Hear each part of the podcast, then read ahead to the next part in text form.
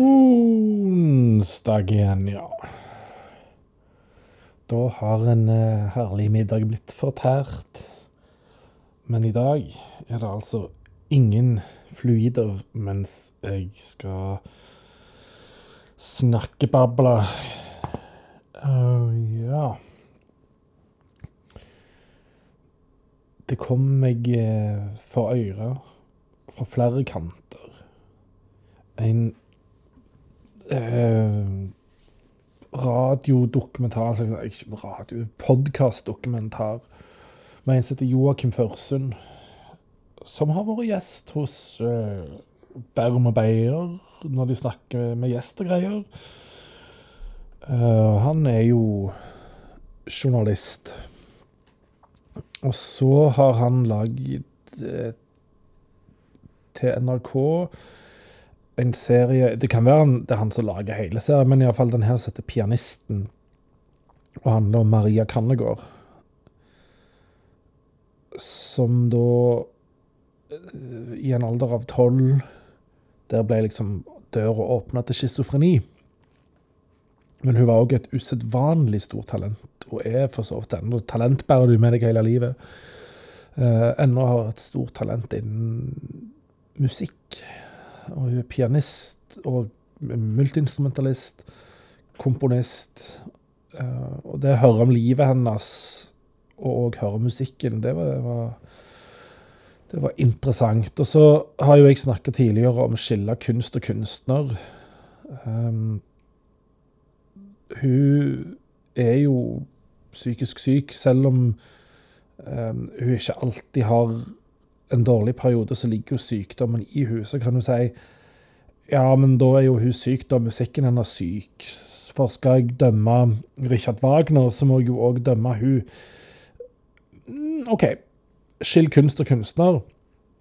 Hun ønsker ikke noen noe vondt. Uh, hun har i grunnen gode verdier i bånn. Mens jeg, ut fra det jeg har sagt om Wagner, at han var en antisemitt, f.eks da, ut fra mitt moralske og verdimessige kompass, så har ikke han bare positivt for seg. Og da mener jeg at da kan jeg si at jeg klarer ikke å høre hans musikk uten òg å tenke at han er en antisemitt. Og dermed så Nei, så vil jeg ikke skille kunst og kunstner, fordi at det er ett og det samme for meg. På samme måte kan jeg da heller ikke eh, skille musikken til Kannegård fra personen Kannegård. Um, musikken hennes er jo fantastisk. Hun har schizofreni. Jeg syns det er feil å si at hun er schizofren. Hun har schizofreni. For hun har noe hun ikke vil ha. Men eh, kanskje hadde ikke musikken blitt det han er uten det. Eh, men gjennom intervjuet og disse episodene så føler jeg jo ikke at det kommer et dårlig menneskesyn på banen her. Og da henger musikken sammen med hun. Eh, og da tenker jeg jeg syns hun virker som et spennende og fint menneske. Det syns jeg òg musikken gjenspeiler. Det var en rar plass å starte, kanskje. Og i mitt hode så hang det jeg sa nå, sammen selv om jeg ikke har tenkt tanken før akkurat nå. Sånn er det ofte med ferske tanker, og de bare, de bare skjer. Skjer det bagre. Ja, det, det, er mye som eh, streifer tankene. Sånn eh, Nå har jo tre-seks bøker til egentlig klart å kunne bli gitt ut når jeg føler for. Eh, så har jeg sett litt på tre av de, de, de tre som egentlig er ment som de neste i rekkefølgen i dag. For at jeg har vært sånn av og på skag i det hele tatt gidda gi ut, og så har jeg lest på det litt, og så æh. Og så nå leser jeg litt på det i dag, og ja, det har jeg lyst til. Og spesielt òg etter at jeg, eh, mens jeg satt på The Coast og drakk min kaffe og spiste en sinnabunn, eh, så fant jeg fram en app på Mac-en. Uh, Reminisce Journal altså en dagbokapp.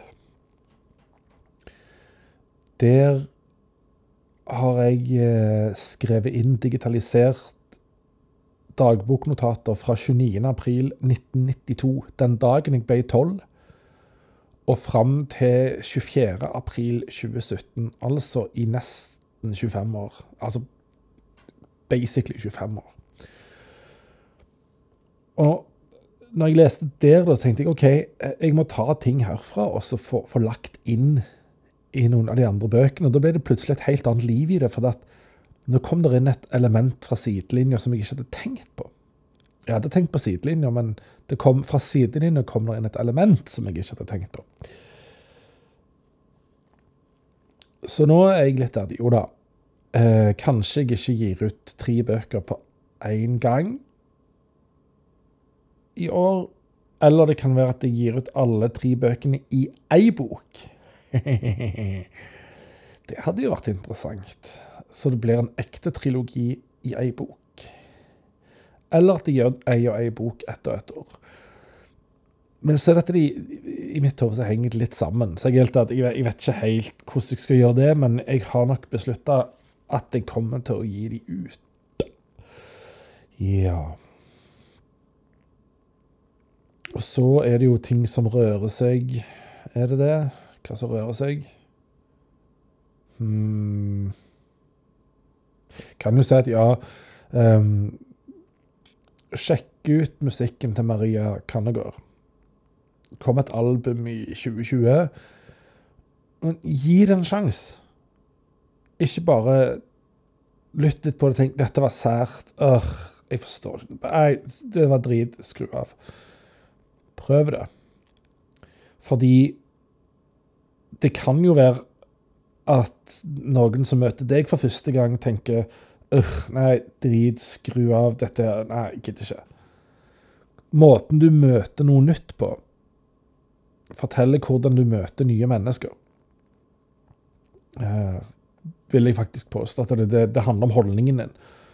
Så hvis du møter ny mat du ikke har smakt, som en øh, Nei, det så ikke godt ut. Nei. Da møter du en ny person òg sånn. Du så ikke fin ut, du så ikke snill ut, du så ikke sånn og sånn ut. Eh, æsj. OK.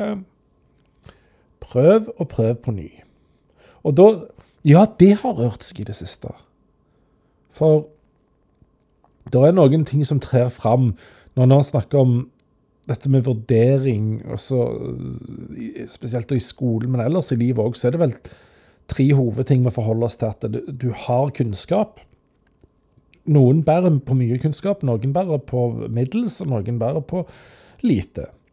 At du bærer på lite kunnskap trenger ikke bety så mye, så lenge du vet hvordan du skal tilegne deg ny kunnskap, og hvordan du skal forholde deg til ny kunnskap. Altså ferdigheter som innhenting av informasjon, eh, bearbeiding, strukturering av informasjon og refleksjon og kritisk tanke rundt informasjon eller kunnskap du tar til deg.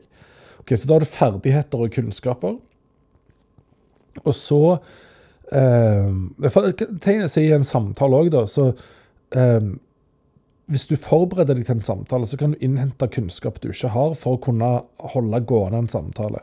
Hvis du har lite kunnskap, så kan det bli vanskelig, og du ikke tilegner deg ny og har lav kunnskap, lave ferdigheter, så blir det vanskelig å holde en samtale gående fordi du ikke har nok kunnskap, og du i tillegg ikke klarer å tilegne deg kunnskap og innhente kunnskap.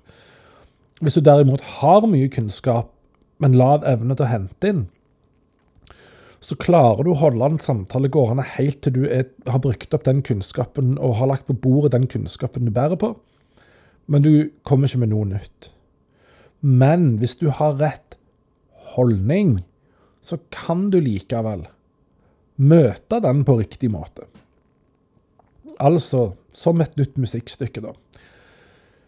Eh, eller en ny type mat, eller et nytt menneske. Så kan du møte det på en eller annen måte at OK, det passer gjerne ikke med sånn som jeg ser verden, men nå har jeg hørt hvordan du tenker verden. Det var jo spennende. Så jeg ser poenget ditt. Eller hvis du ikke vet hvordan den andre ser verden, kan du først fortelle meg hvordan du ser verden, og så hvor, hvorfor du syns dette her var et eh, viktig poeng, det som jeg ikke har tenkt på før. Og så ser du at å ja, nei, men det var jo ikke så dumt tenkt. Kanskje jeg kan lære noe av det. OK. Essensen av dette er da tre knagger å henge det på, som handler om hvordan ta til seg noe nytt, enten det er kunnskap eller hva det måtte være. Informasjon eller bare noe sanselig nytt. Og hvordan du kan utvikle ferdigheter, og til og med hvordan du kan utvikle holdninger av det. For dette er holdningsskapende og nesten holdningsendrende positivt i tillegg. Det begynner med at du må tørre.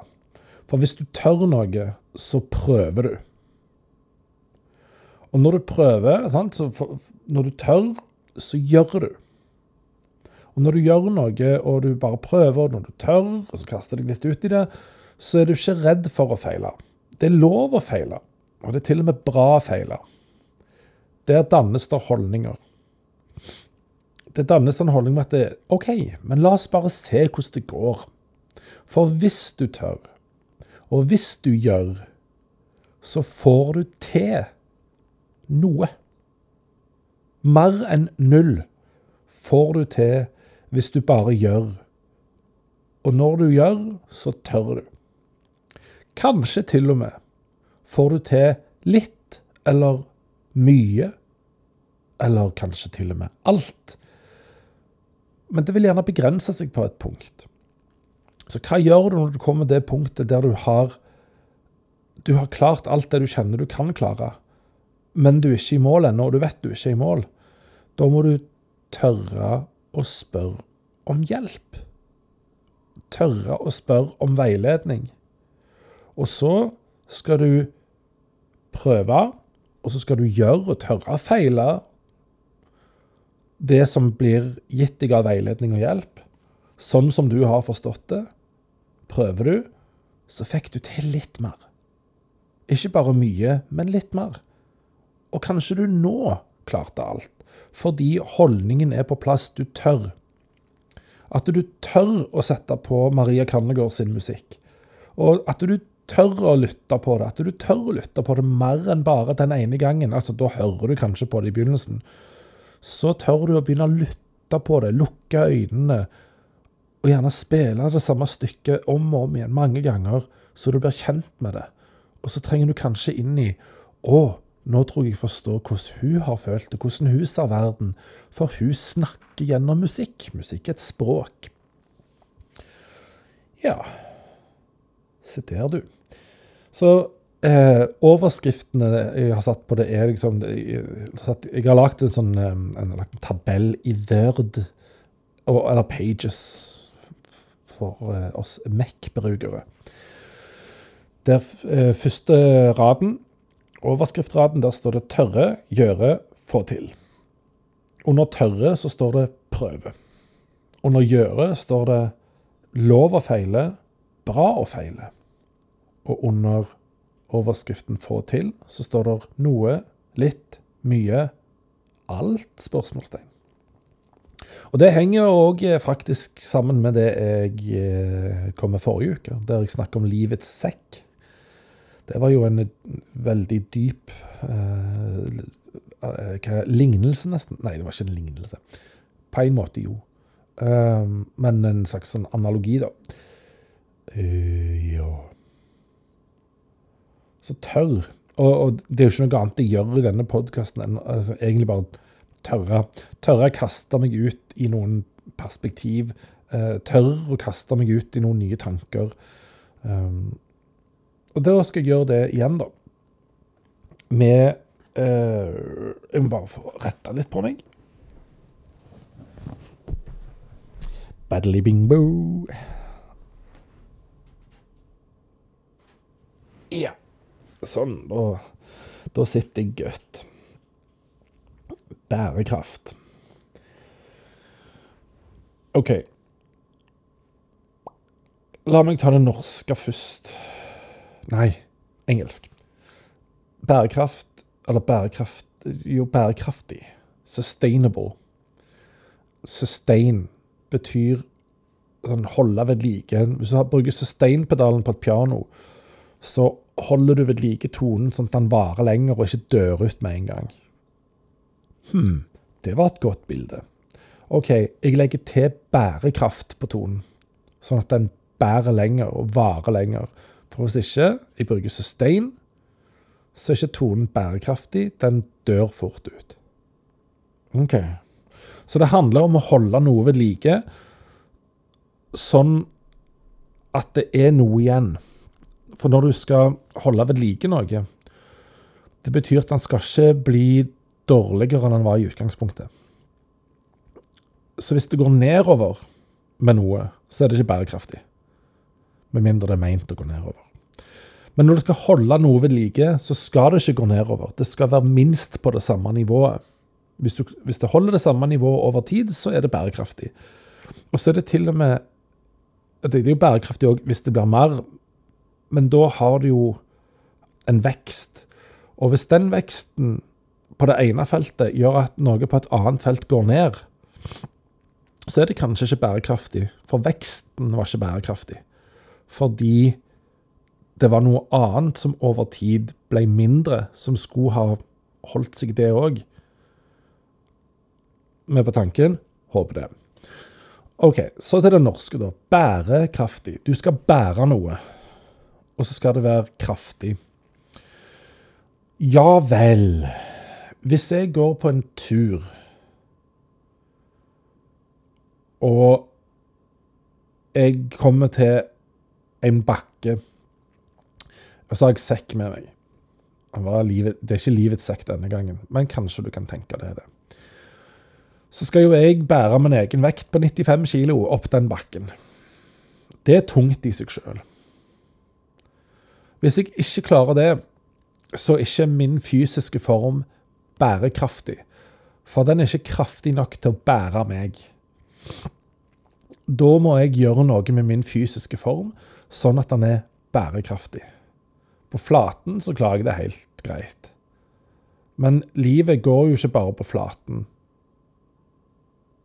Men det går liksom ikke nedover, da. Men jeg klarer å gå beint fram sånn at jeg holder ved like.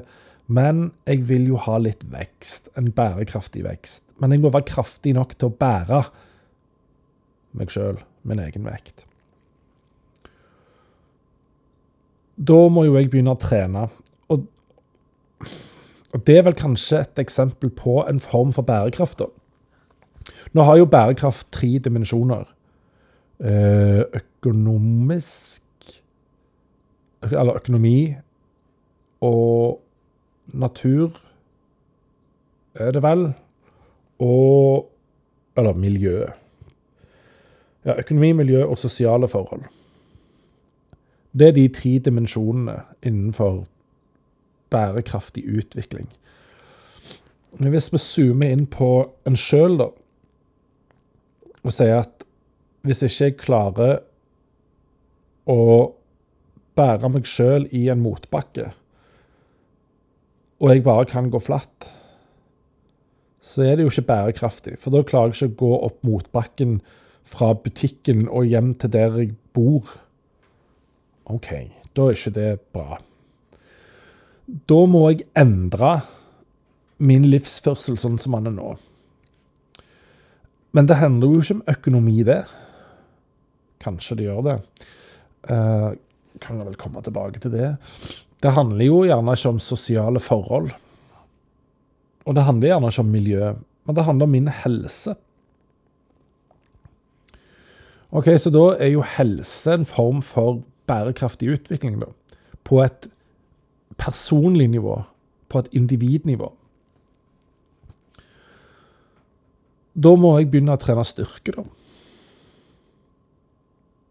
Og så vet vi jo av diverse uttalelser de siste årene som har vært om at um, det er veldig, veldig klokt å drive styrketrening.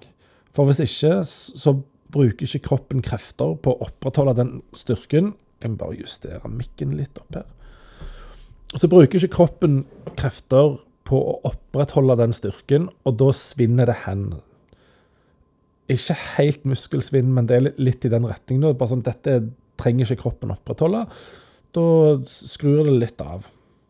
Men hvis du trener bare bitte litt styrke, om så bare én gang i uka, og trener på en sånn fornuftig måte, så opprettholder du i alle fall den styrken du har. Da mister du den ikke. OK, men da fortsetter du å klare å gå på flata. Da er iallfall det bærekraftig nok. Eller bærekraftig, men du har ikke bærekraftig vekst, en bærekraftig utvikling. For utviklingen viser jo at det forventes for din egen del at du, at du forventer deg sjøl at du skal kunne klare å gå opp motbakken fra butikken og hjem, men du klarer jo ikke det. Da må du enten flytte, eller du må begynne å trene. For du bor 20 høydemeter høyere enn butikken. Så du må uansett gå opp. Ja, kan jo begynne å kjøre. Ja, det ble ikke mer bærekraftig, det ble mindre bærekraftig. For da kommer utslippene inn i bildet. Hva kan du gjøre som er bærekraftig for deg og bærekraftig for alle andre? Jo, kan begynne å trene. OK, begynn å trene, da. Eller begynn å trene, så dette trener. Så gjør du det. Du øker faktisk styrken din. Kanskje til og med du trener litt kondis. Så du klarer faktisk å gå opp den bakken. Ikke bare med egen kroppsvekt, men òg med varene du har kjøpt. Og du blir ikke andpusten, og du klarer å bære det. Nå har du hatt en bærekraftig utvikling, for du har klart å henge med på utviklinga. Ikke bare stå på stedet hvil og gå flatt hele tida, for da kommer du deg ikke hjem. Og hvis du gjør et lite bærekraftig valg, så kjører du. Og hvis du gjør et enda mindre bærekraftig valg, så bestiller du varene og får de levert hjem ved, ved kjøring. Da har du gjort det minst bærekraftige, for du får ikke beveget deg, og i tillegg brukes det bil for å kjøre det hjem til deg, no matter what bilen er. Så OK, bærekraftig tatt egentlig kjempebokstavelig, kraftig nok til å bære. Ja, det er akkurat her og nå, men bærekraftig utvikling dreier seg om framover. Så blir jo da spørsmålet som jeg har vært inne på før, da må en jo tenke Hvis alle andre gjorde sånn som meg, hadde det da vært bra for verden å gjøre det? Og hvis svaret på det er nei, så skal ikke du gjøre det på et individuelt nivå heller. Fordi en bærekraftig utvikling på, et, på en større skala betyr at man bruker ressurser eller, eller du lever på en sånn måte at det òg er noe der til de som kommer etter deg. At de faktisk ikke har mindre, men minst det du har nå. Og hvis du lever på en sånn måte at hvis alle gjorde det du gjorde, så gjør det at de som kommer etter deg, har mindre, så gjør du feil, no matter what. Fordi hvis alle hadde fulgt ditt eksempel, så får ungene dine mindre enn deg. Og da får dine unger sine unger, altså ungeungene dine, barnebarna dine, de får enda mindre igjen. Og da peker pila ned. Det var ikke bærekraftig. For det pila skal i alle fall ligge helt flatt. Da er det bærekraftig i seg sjøl, men det er ikke bærekraftig utvikling, egentlig. For på sikt så blir det ikke Blir det ikke nok bare å gå på flaten. Du må opp litt. Du må gå litt i motbakke. Ikke gå rett i det bratteste, men litt opp må du gå. Vi må være kraftige nok til at de som kommer etter Eller at jeg tåler en, kan du si, en liten katastrofe. Men da må jeg òg oppdra neste generasjon, sånn at de tåler å få seg en trøkk. Det er bærekraftig utvikling. For de klarer seg minst like bra, de som kommer etterpå, helst litt bedre. Da blir det enda bedre. Og så, er de såpass robuste at de klarer, de klarer jo å ta en trøkk. Og de er òg i stand til å lære sine unger, mine barnebarn, å tåle en trøkk. Det er bærekraftig utvikling. Men det forutsetter at jeg må endre noe nå fra å være det det er, til å bli et hakk bedre. Hva er det jeg ikke bærekraftig nok på nå? Og da har vi jo flere felt å se på. Jo, jeg har min private økonomi. Jeg har eh, mitt private ansvar, mitt individuelle ansvar for å gjøre miljømessig riktige grep. Der er det enormt mye en kan gjøre. Og det får jo derfor òg eh, mesteparten av fokuset nå. Men det, disse tre henger jo sammen. Og så er det sosiale forhold, som handler om meg overfor andre mennesker. Og, og, og nasjoner overfor andre nasjoner. Og eh, folk i den delen av verden kontra den delen av verden. Sånn at selv om vi kan si i Norge har vi klart det der med fattigdom ganske bra. Så nå får de landene som, som har mye fattigdom, de får bare gjøre sånn som oss, og så ordner alt seg. Nei, for hvis alle gjør sånn som Norge, ref. FN, eller FN-sambandet er det vel, så trenger vi vel noe sånn som 3,5 jordkloder. Så det betyr at hvis alle skulle gjort sånn som oss, så gjør vi feil. For da går det til helvete. Det er jo ikke rart noen ser ut av, fra jorda for å tenke bærekraftig, men vi er jo ikke lagd for å bo på Mars, så ha. Da må vi jo være ekstra lite bærekraftige for å klare å få til det. For vi klarer jo faen ikke å være bærekraftige nok på den planeten vi har. Og så skal vi drive utvikling på ny og tro at vi klarer å gjøre det bærekraftig. Nei, vet du hva. Har ikke sjans til det. Vi må gjøre det bedre her. OK, nå blir det veldig mye rot, kanskje. Jeg tror jeg vil lansere tre nivå av de tre dimensjonene.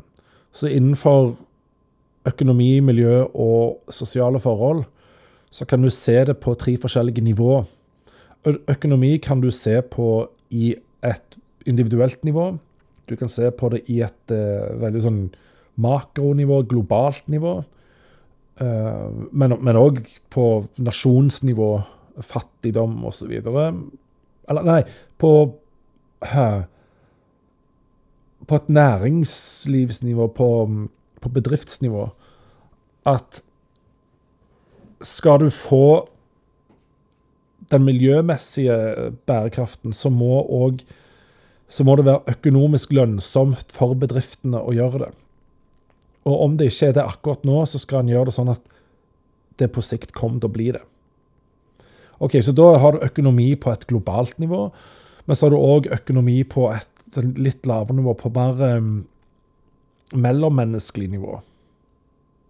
Nå, nå, er dette her en relativt ny tanke, så jeg har liksom ikke tenkt ut alle forklaringene på alle nivåene her. For, og det handler litt om at jeg har tenkt å se det på et mer individuelt nivå for å si hva kan jeg faktisk gjøre? Um, så ja, individuelt økonomisk nivå, og så har vi hva kan jeg gjøre individuelt for å være et godt eksempel? Med tanke på miljømessig bærekraft. Eh, og hva kan vi flere gjøre sammen for å skape miljømessig bærekraft. Og hva globalt Ja, ja, men det er hele naturen, det. Miljø, klima, det er hele naturen. Uh, og da er det egentlig mer snakk om hva kan vi gjøre på både individuelt og gruppenivå for å få til den globale uh, tingen. For når vi, når vi, fikser det på individuelt og gruppenivå, så har vi egentlig klart å fikse den globale miljømessige bærekraften. Og Sånn er det med økonomi òg. At klarer vi oss på individuelt og gruppenivå, uh, så klarer vi det òg på det globale nivået. Og Sånn er det med sosiale forhold òg. Uh, det handler jo om uh, fattigdom, utdanning osv. Så, uh, så hvis vi på et lågt nivå Det kan kanskje det gå motsatt der. Hvis vi løser det på et globalt nivå, så har vi òg løst det på eh, gruppenivå og individuelt nivå. Men òg hvis alle får utdanning. Ja. Nei, det må jo løses på et eh, større nivå enn individuelt. Ny tanke. Men jeg vil tilbake igjen til, til helse. Eh, og da tenker jeg helse ikke bare som i fysisk, men, men alt. Eh, og så sjekker jeg da personlig bærekraft. Og her må en være forberedt på at hvis en googler det, så kan en få ganske mye rabe. Eh, mye rart.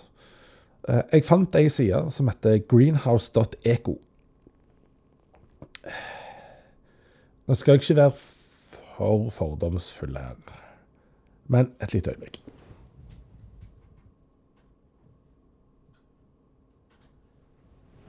Det er altså ei som bor på Nesodden.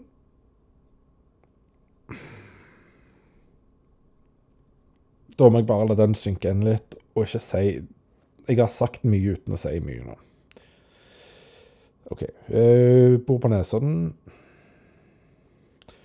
Og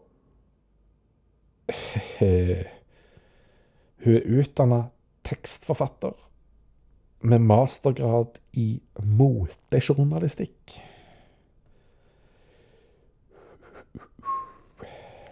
«25 års erfaring som journalist, redaktør, tekstforfatter og kommunikasjonsrådgiver. Og så, i 2016, lanserte du dette digitale, som hun skriver i gåseøyne, hjemmet. Med ti rom, altså i nettsida hennes. Det er ikke nødvendigvis dumt, det hun skriver, og de tipsene hun gjør for personlig bærekraft. Um, det er bare at jeg, jeg ser ikke det, Nå har ikke jeg nødvendigvis grundig lest gjennom helt liksom sett om hun har kildereferansene på plass, men det er i alle fall ikke oppgitt under de punktene hun har. Jeg tror det var 13 punkt for personlig bærekraft. Så vidt jeg så, så var det ikke refererte kilder på hvert av de punktene. Men det kan være det står noe i bånn av, av sida, men da har jeg bare ikke lagt merke til det. Men jeg kan jo òg søke opp sjøl, og jeg har lest såpass mye sjøl at jeg vet at en del av disse tipsene faktisk er fornuftige.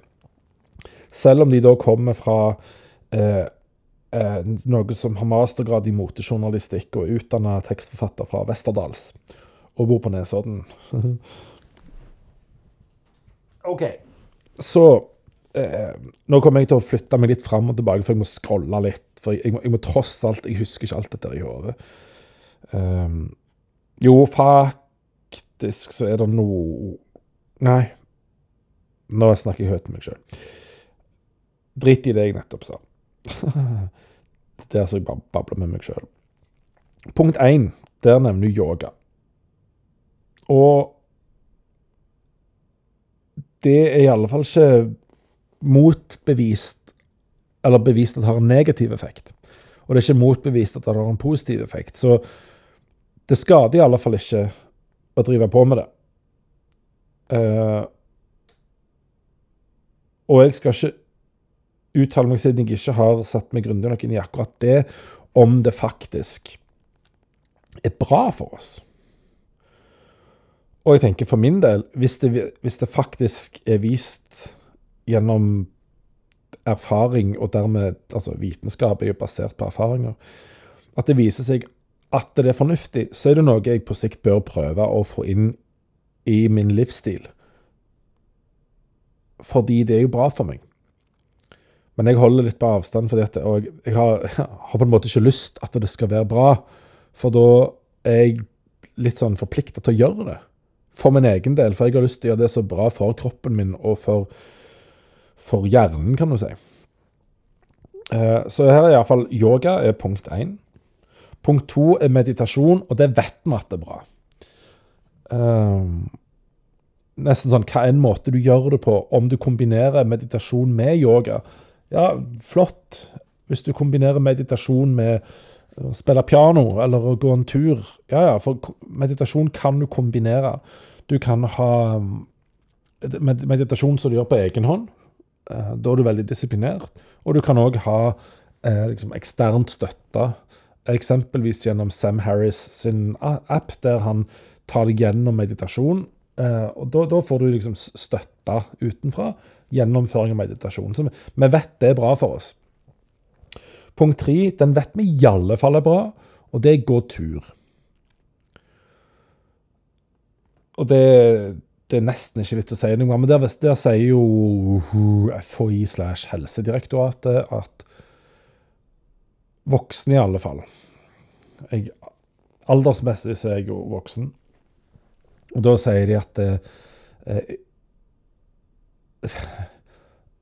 jeg skal si det på den måten jeg formidler det på, som er egentlig en helt grei måte å forstå det på, riktig måte å forstå det på. At hvis du har minst 150 minutter i uka med såpass Altså, du går 100, minst 150 minutter i uka i et tempo som gjør at du, du svetter, og du blir andpusten, så gjør du det riktig. Hvis ikke går det for seint. Uh, og så kan du vel halvere det hvis du uh, jogger og springer. For da går intensiteten opp. Men 150 minutter i uka totalt med uh, rask gjenge, så gjør du det som av helsemyndighetene er ansett som en bærekraftig mengde med gåing. Det er ikke så mye. Og så eh, kommer det faktisk et interessant punkt. Podkaster. Men der vil jeg være sånn, det, det, kommer vel kanskje litt an på hva podkaster For dette punktet handler vel kanskje om å ta til seg informasjon. Det kan vel like så godt være lesing. Um, og det er forskjell på hva du leser. Det å lese ei vitsebok er koselig og trivelig, det, altså. Men du får ikke hjerneføde av det. Det å høre på eh, en podkast der de tester Den ene uka tester energidrikker, den neste uka tester de chips. Det, det er ikke hjerneføde. Hvis du hører på podkaster som faktisk gir noe og skaper ettertanke, det er ikke et forsøk på å reklamere for meg sjøl. Um, Sjøl så hører jeg jo på eksempelvis Trygdekontoret på NRK. Veldig givende. Uh, jeg har begynt å høre på den om grunnstoffene. Da lærer jeg jo noe. Um, Etikketaten og uh, Ekko på NRK. Uh, det burde vært pensum på NRK jeg får jo noe igjen for dette. Jeg lærer noe av det. Jeg, jeg, jeg vekker ettertanke og refleksjon. Så jeg er enig i at det har noe for seg. For du, du, må gi hjernen din noe. For når du går tur, så gir du kroppen din noe. Podkaster, lese bøker, det gir hjernen din noe. Så ja, jeg er enig i det punktet. Og så eh, en skikkelig i gåsene knekk, skriver hun, eller massasje. Ehm, jeg vil tro at bare det at du blir berørt, egentlig er det som gjør det, fordi vi vet at berøring skaper for å si det veldig fint, endokrinologiske reaksjoner i kroppen. Fysiologiske reaksjoner, hormoner, som gjør at vi føler oss vel. Derfor er en klem med den rette personen for noen, eller bare generelt en klem for en, en enkelt andre, er nok til å kjenne Åh, yes. For du får den hormonelle reaksjonen av det. Så det er klart, fysisk kontakt med noen, hud mot hud, er jo bra. Og det er en følelse av nærhet og anerkjennelse og alt det der. Så det, det er bra for oss. Og så, nummer seks, gode venner. Ja, og da må en tenke kvalitativt gode. Eh, venner så du kan måle, altså kvantitativt. Hvor mange venner har du? Ja, Det sier ikke noe om hvor gode de er, det sier bare noe om hvor mange venner du har. Eh, hvis du kan måle vennskapet, så vet jeg ikke om det er et bra vennskap. Um, den, den, vennen har gjort så mange tjenester for meg, og jeg har gjort like mange tilbake igjen. Eller jeg, jeg har gjort tre flere tjenester mot den, så den skylder meg når jeg venter på å få tre tjenester. Ja, dette her er jo ikke et vennskap, dette er et regnskap og ikke et vennskap. Et vennskap skal jo beskrives med ord. Dele opplevelser sammen.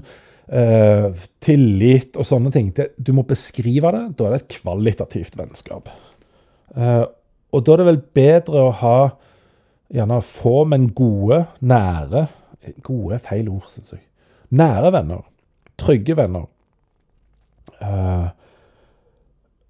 som, uh, som du kan i ulike situasjoner kontakte og dele Som jeg faktisk snakke med, være åpen med, stole på. dele opp opplevelser og erfaringer med.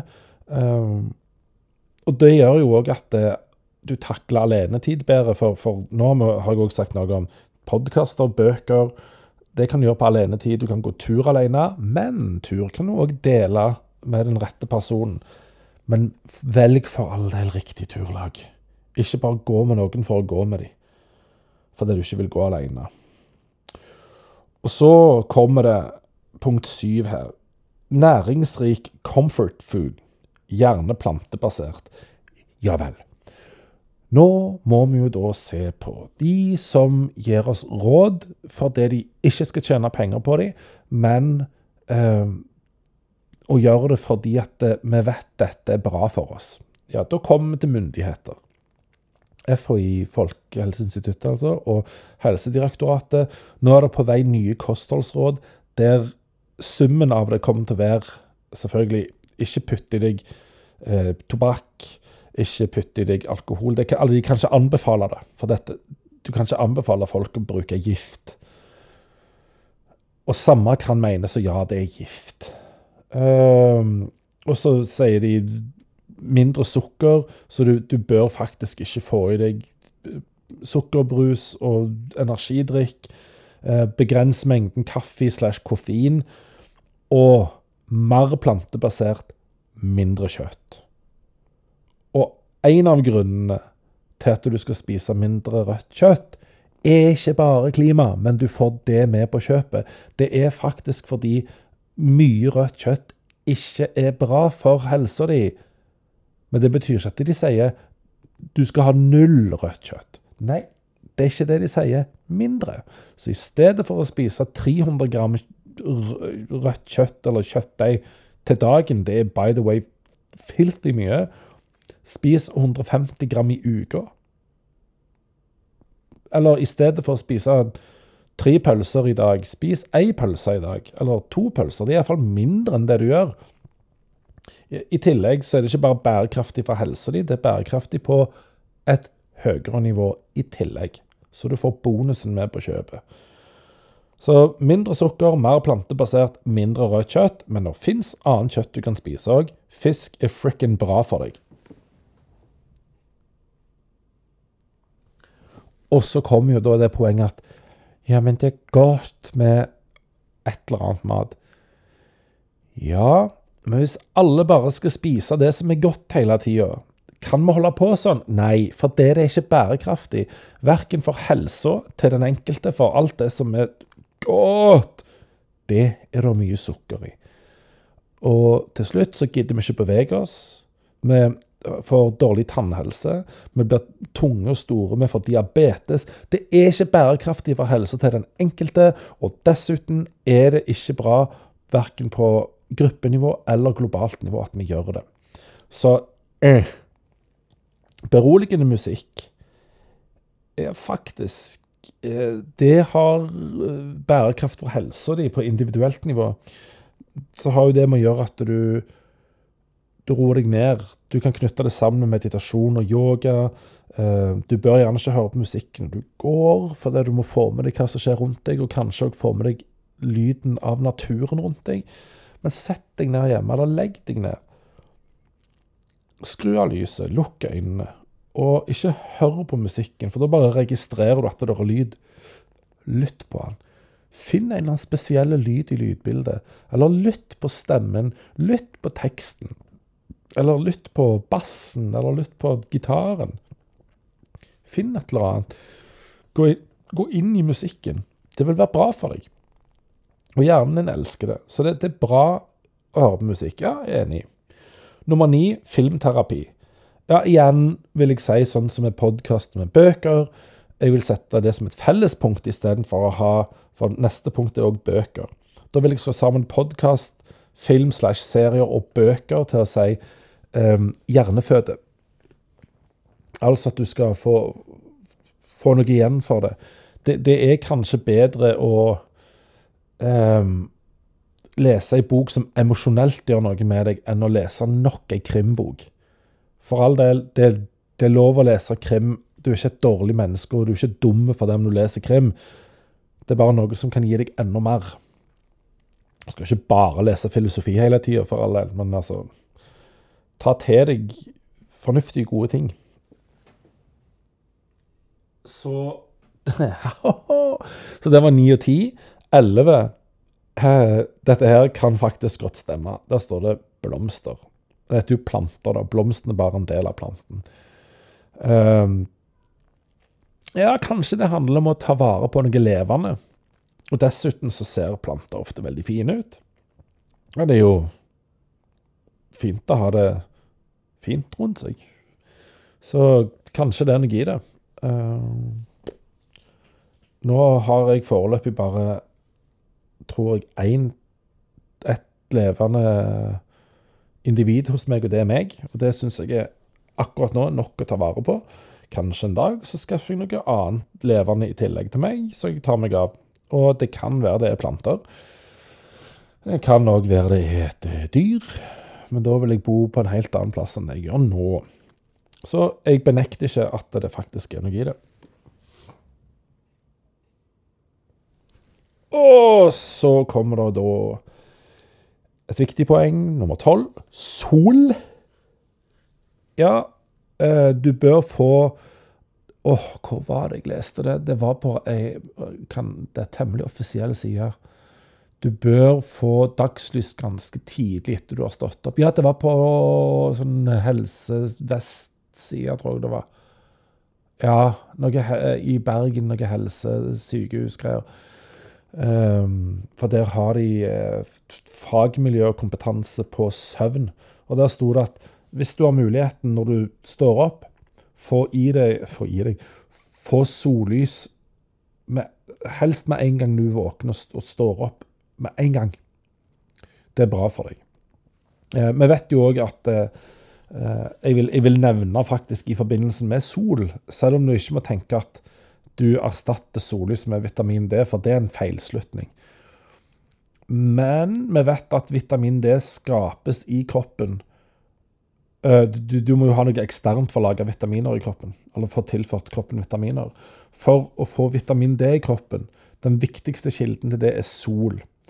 Og så vet en etter hvert òg at eh, selv om ikke D-vitaminmangel forklarer depresjon, så er det en sammenheng, det som heter korrelasjon, mellom lite vitamin D og depresjon, annet. Og i Norge så får vi alle, og spesielt de med mørk hud i Norge, men alle som bor i Norge, får i utgangspunktet i oss alt for i oss Ja, vi får i oss faktisk altfor lite vitamin D. Det er det lett å gjøre noe med bare ta tilskudd.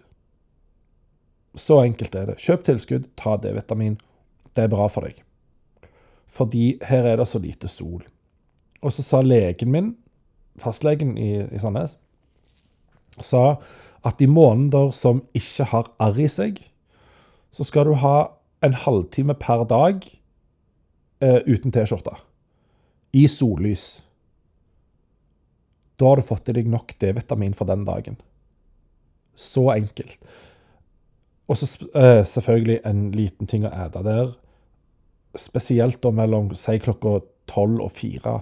For det har litt med hva vinkel sola står i å gjøre. Står sola for lågt, så får du faktisk ikke utbytte av sola.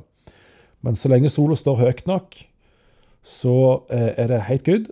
Av med T-skjorta, ut i sola. Du har fått i deg nok D-vitamin. På vinteren, eller med måneder i RI, ta D-vitamin.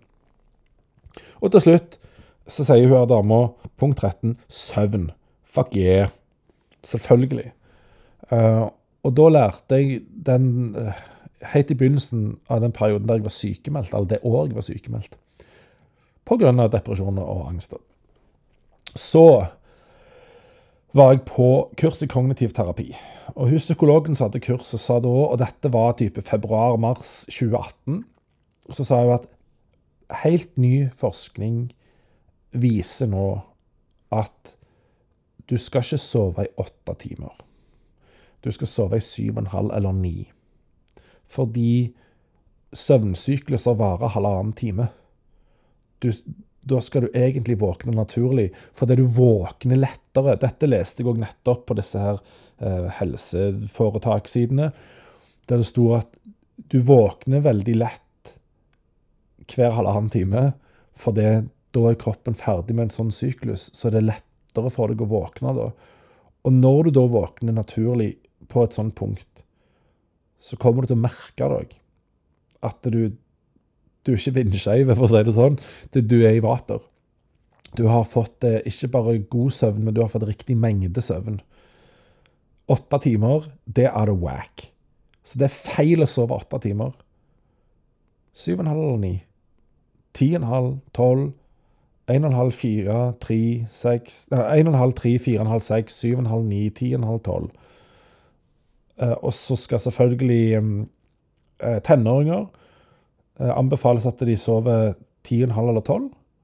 Til når du blir litt eldre, så er det gjerne 7,5, mellom 7,5 og 10,5. Altså 7,5, 9, 10,5. Søvn dritviktig. Eh, det har så sykt mye å bety for vår funksjonsevne, både fysisk og psykisk, kognitivt, emosjonelt. Og det kan nok tyde på òg at eh, Leste jeg i går, faktisk, på NRK, en sak om eh, hvordan energidrikk, bare veldig små mengder. Ikke kaffe, men energidrikk. Og det har ikke bare med koffein å gjøre. Eh, bare små mengder kan det tyde på at påvirker søvnen vår negativt. Uh, så det er jo noe å tenke på. OK. Så kommer jo mitt poeng. Hvis jeg skal hente noe ut fra det, og så skal jeg se hva jeg sjøl har tenkt før jeg leste dette, så er det Hva er bærekraftig for meg? Eller for et menneske, da? Jo, for snart seks år siden sykemeldt. Da måtte jeg ta denne runden. For jeg måtte rase ned alt jeg hadde bygd opp og tenke nå må, nå må jeg bygge alt på ny. Jeg må gjøre noe som er sunt for meg. OK, bærekraftig og sunt er veldig, sånn, det er veldig det samme. En sunn økonomi er en bærekraftig økonomi. Et sunt miljø er et bærekraftig miljø.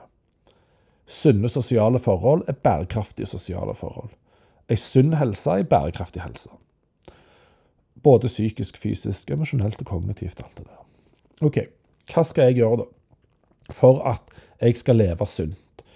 Da hadde jeg tre punkt jeg satte opp.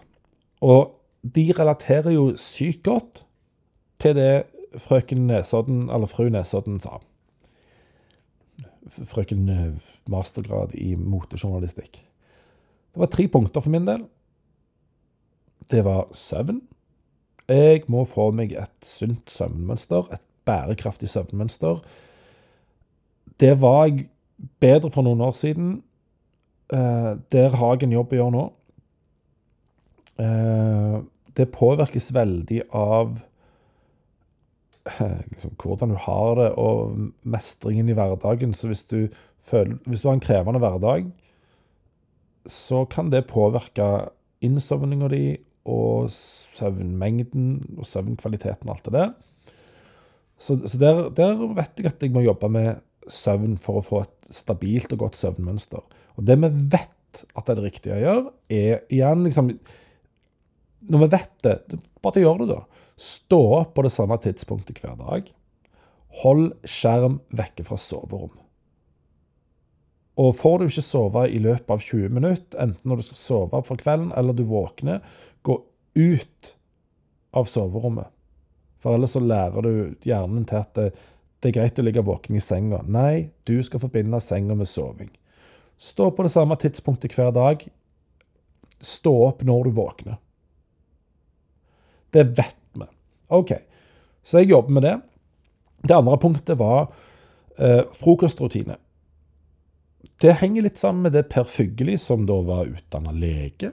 Han kunne sine saker. Han var sosialmedisiner. Aha, sosiale forhold, dette, på et eh, samfunnsnivå, men òg ned til individnivå. Han starta dagen med å knytte sløyfa. For da starta han dagen med noe han kunne, og noe som var lystbetont, og så kunne han klappe seg sjøl på skuldra og si 'Nå var du god'. Du er god, Per, sa han til seg sjøl hver morgen han så seg i speilet. Jeg brygger en kopp kaffe hver morgen. Håndbrygg. I tillegg så eh, lagde jeg meg eh, et sett med matvarer jeg skulle spise. Eh, da tenkte jeg chiafrø. Hadde jeg da hørt at det, det er lurt å spise? Ja vel, begynte jeg med det. Så lagde jeg solsikkefrø, linfrø og Sesamfrø er det vel. Sammen med bitte litt yoghurt og havregryn. Fordi fastlegen sa til meg at du har ikke veldig høyt kolesterol, men du har bitte litt høyere enn det det trenger å være. Det som kan nytte for det, så er bl.a. spis mindre rødt kjøtt og mer havregryn. OK, da har jeg gjort begge deler. Så jeg lagde havregryn. Så da hadde jeg en mikstur med yoghurt og disse frøene og gryna. Og så tar jeg vitamin D hver morgen. Og jeg tar omega-3-kapsler. Og jeg tar ei teskje, faktisk, med peanøttsmør. Pga. pris har jeg kutta ut mandler.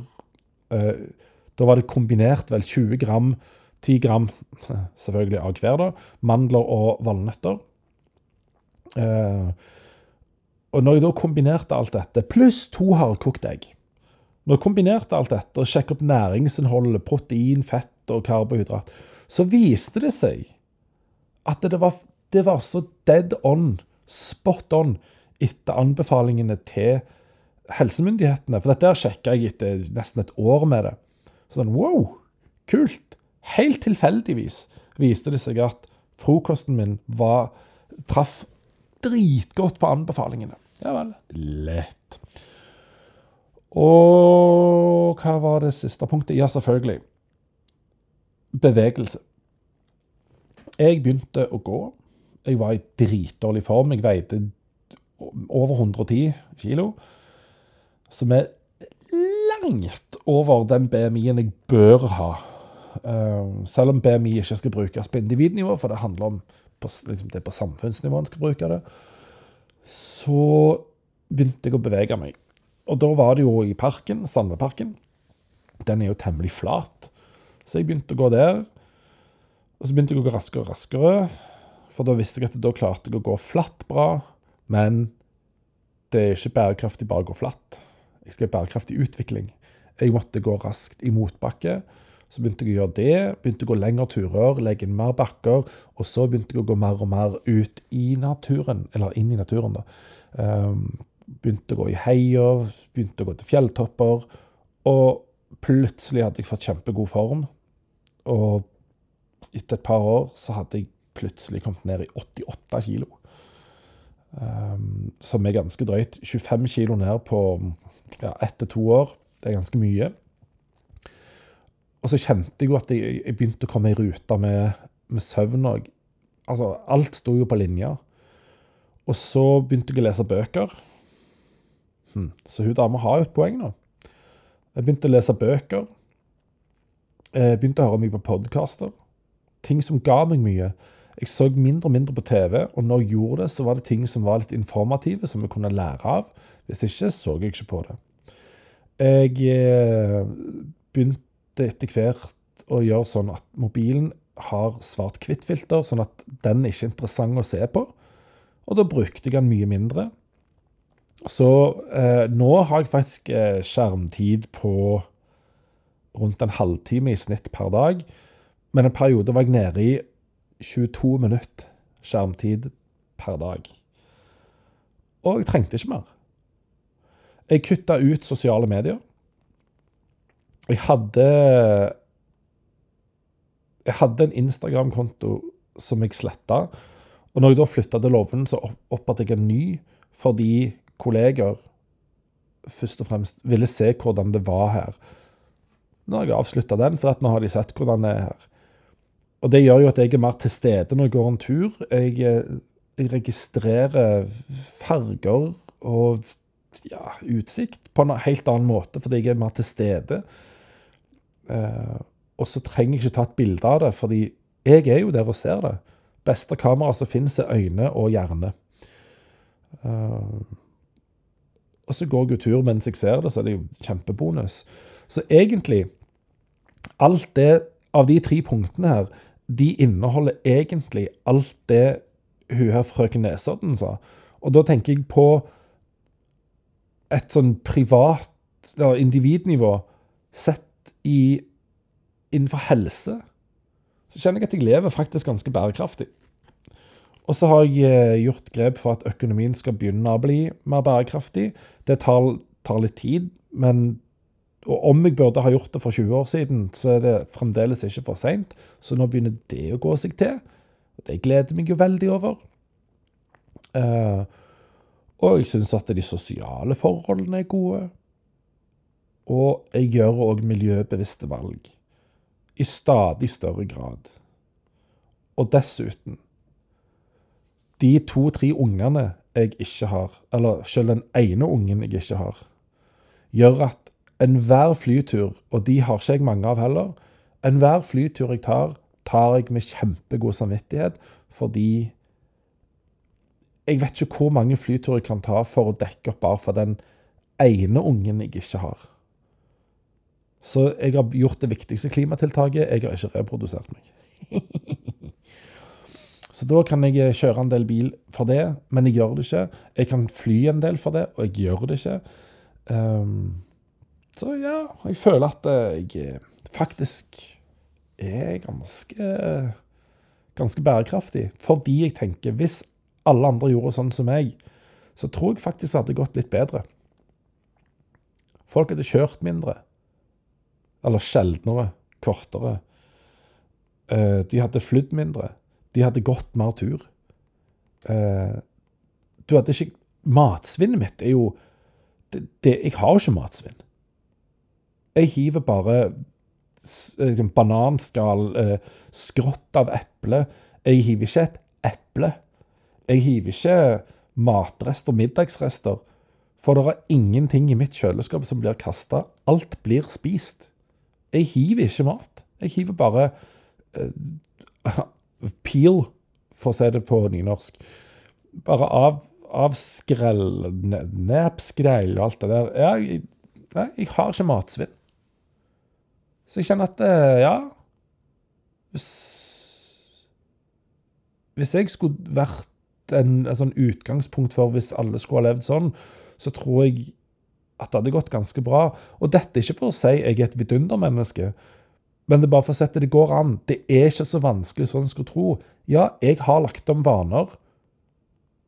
Men hva er det vi er så redde det for? Å legge om vaner? det har ikke vært noe krevende, det har ikke vært noe vanskelig og vondt. Det er bare Jeg vet jo at jeg får noe bra igjen for det. Og så, ja da, smågodt er godt. Det er en uvane som jeg skal klare å legge av meg. Uh, fordi det er ikke bærekraftig for min helse å spise smågodt på den måten og i de mengdene jeg fort kan gjøre når jeg setter i gang. Og det er heller ikke bærekraftig for meg å kjøpe Jarlsberg. Fuckings narkotika for meg. Og narkotika er ikke bra for noen, eh, sånn i utgangspunktet. Det er jo medisiner, da, så medisiner kan jo være bra, brukt riktig. Jeg kan ikke bruke Jarlsberg riktig, egentlig. For det, får jeg en Jarlsberg i hus, så er den trygt i trynet eh, innen veldig kort tid. Det er ikke bra for helsa mi. Det er ikke bra for økonomien min. Ergo, det er ikke bra for meg. Ta-ta. Så det var bærekraft, gitt. Den ble lang, den her. Skal vi se uh, Bare sjekke. Å, shit. Ja vel. Det var over en time, det. Ja, da får det bare bli sånn. Uh, jeg sier takk for deg. Takk for meg. Takk for denne onsdagen. Uh, eller hva enn tid du hører det. Jeg spiller det inn på en onsdag. Så Odins dag ble det, denne Odinsdagen ble det òg eh, innspilling. Håper du satte pris på den. Nå er jeg ferdig med den.